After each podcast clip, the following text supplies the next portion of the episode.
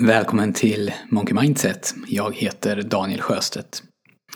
Bara häromdagen, i början på oktober här, släpptes en ny studie från MIT i USA som handlade om sömn. Och den bekräftade en del av det vi redan vet och den gjorde vissa saker lite tydligare, i alla fall för mig. Så jag tänkte dela med mig av den här studien här idag. Jeffrey Grossman, han är professor på MIT och han ville kolla på hur motion påverkar akademisk prestation. Så han gav därför 100 ingenjörsstudenter som gick en viss kurs varsin Fitbit. Och en Fitbit det är en sån här litet armband eller en klocka som mäter ens aktivitet under dagen, antal steg och intensitet och så vidare. Och så lät han en fjärdedel av de här 100 studenterna, 25 stycken, börja träna enligt ett fastslaget schema och om jag förstod det rätt så tränar han någon typ av högintensiv aerobics. Och efter en termin sen så hade Grossman då tillgång till komplett data från inte riktigt 100 studenter men 88 studenter som slutfört den här studien och han började att analysera. Underligt nog så fanns det inget samband mellan hur mycket studenterna hade motionerat under terminen och hur bra de hade presterat i de sammanlagt 15 testen som, hade, som de hade gjort i den här kursen som de läste. Och det förvånade Grossman. Och trots att han inte hittar något samband så är han tydlig med att han fortfarande är helt övertygad om att motion har stor effekt på vår kognitiva förmåga, alltså hur bra vi tänker. Men vad Grossman däremot hittade i sin studie, det var att sömn hade en enorm påverkan på studieresultaten. Ju bättre sömn, desto bättre betyg. Och när han och hans team grävde lite djupare i de här siffrorna, som de alltså fick ut av den här Fitbiten, så märkte de flera saker. För det första så kunde de se att antalet timmars sömn natten innan ett test, den sista natten, inte hade någon statistisk påverkan på hur studenterna presterade. Det som däremot spelade roll, det var hur de hade sovit veckan innan de hade testet. Det var det som spelade roll. Och här kommer du kanske ihåg från mitt avsnitt som handlade om boken Sömngåtan. Det var avsnitt 134 som heter Så påverkar sömn din prestation.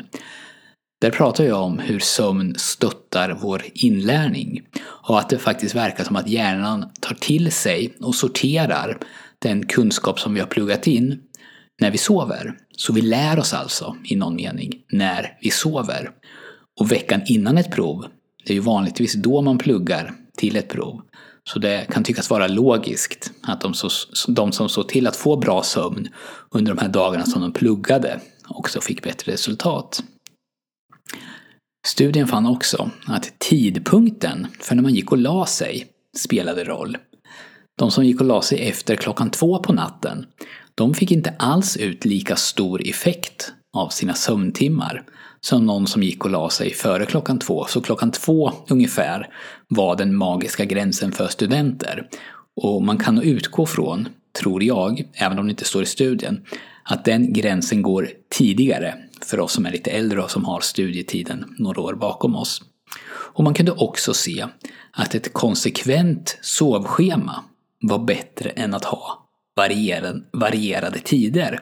Som två individer hade sovit lika mycket under en månad, alltså de hade, snittet som de hade per natt var lika högt, så gjorde den personen som sov samma antal timmar varje natt bättre ifrån sig än den som sov mycket vissa nätter och mindre andra nätter. Och det här ligger också helt i linje med Matthew Walkers forskning, alltså han som har skrivit Sömngåtan. Han säger ju tydligt att det inte går att sova i kapp.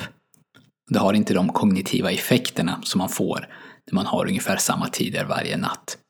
Så Grossman fann alltså att det fanns ett tydligt samband mellan sömn och akademisk prestation. Och det som spelade roll, det var 1.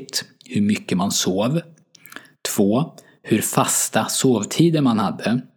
Och 3. när man gick och la sig. Och studien visade en sak till som var intressant. Grossman hade under alla år som han var professor undrat hur det kunde komma sig att kvinnor i regel hade bättre betyg än män på hans kurser. Kunde sömn ha någonting med det att göra? Och det visade sig när man kollade datan att när man justerade för sömn så försvann skillnaderna. Att kvinnor sov bättre än män kunde förklara hela skillnaden i betyg. Och varför det var så, varför kvinnor verkar sova bättre än män, det var ingenting som den här studien analyserade. Men det fick i alla fall mig nyfiken och jag ska kolla upp det, om inte annat för min egen skull. Så hur mycket betydelse hade då sömn?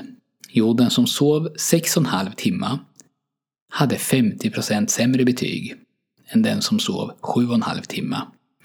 Och en halvtimme mer i variation i sin totala sömn, alltså att man sov mycket vissa nätter och lite, andra, lite andra nätter, gav 40% sämre betyg.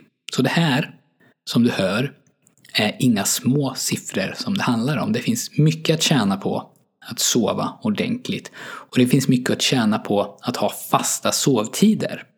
Det är nog någonting som inte är lika känt.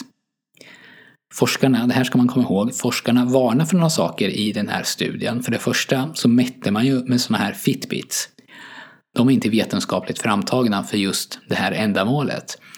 För att resultaten ska vara okej okay, så krävs det ju då att de här Fitbitsen verkligen mäter det de säger sig kunna mäta.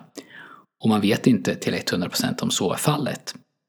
För det andra så kontrollerade man inte för andra faktorer. Till exempel så kan det ju vara så att det finns andra saker som spelar in. Sånt som kanske både påverkar sömn och akademisk prestation. Så bara för att det finns korrelation, att två saker hänger ihop, att två saker följer varandra, i det här fallet då sömn och prestation, så behöver inte det innebära att det finns kausalitet, alltså att det ena driver det andra.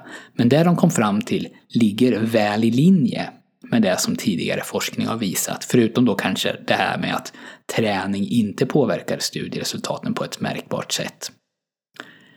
I Sömngåtan till exempel berättar författaren Matthew Walker att man i tester har kunnat förutsäga hur bra någon ska kunna göra ifrån sig på ett test bara genom att kolla på hur mycket en rem sömn som någon har fått mellan då de pluggade och då de gjorde testet. Och en REM, det är en viss typ av REM-sömn. En REM-sömn är alltså en så viktig del för inlärning att man tydligt kan se att den med mer en-REM-sömn lär sig bättre och presterar bättre. Walker berättar också i Sömngåtan att den som lider av sömnbrist inte själv kan se hur det påverkar ens förmåga. Om man har grav sömn, sömnbrist så märker man ju förstås att man varken tänker eller agerar som man gör när man är som bäst. Men när man bara är sådär som många av oss ofta är, alltså vi har haft en rad, rad nätter med lite för lite sömn, då tror man lätt själv att man presterar som man ska. Man vänjer sig vid det här tillståndet av kronisk sömnbrist.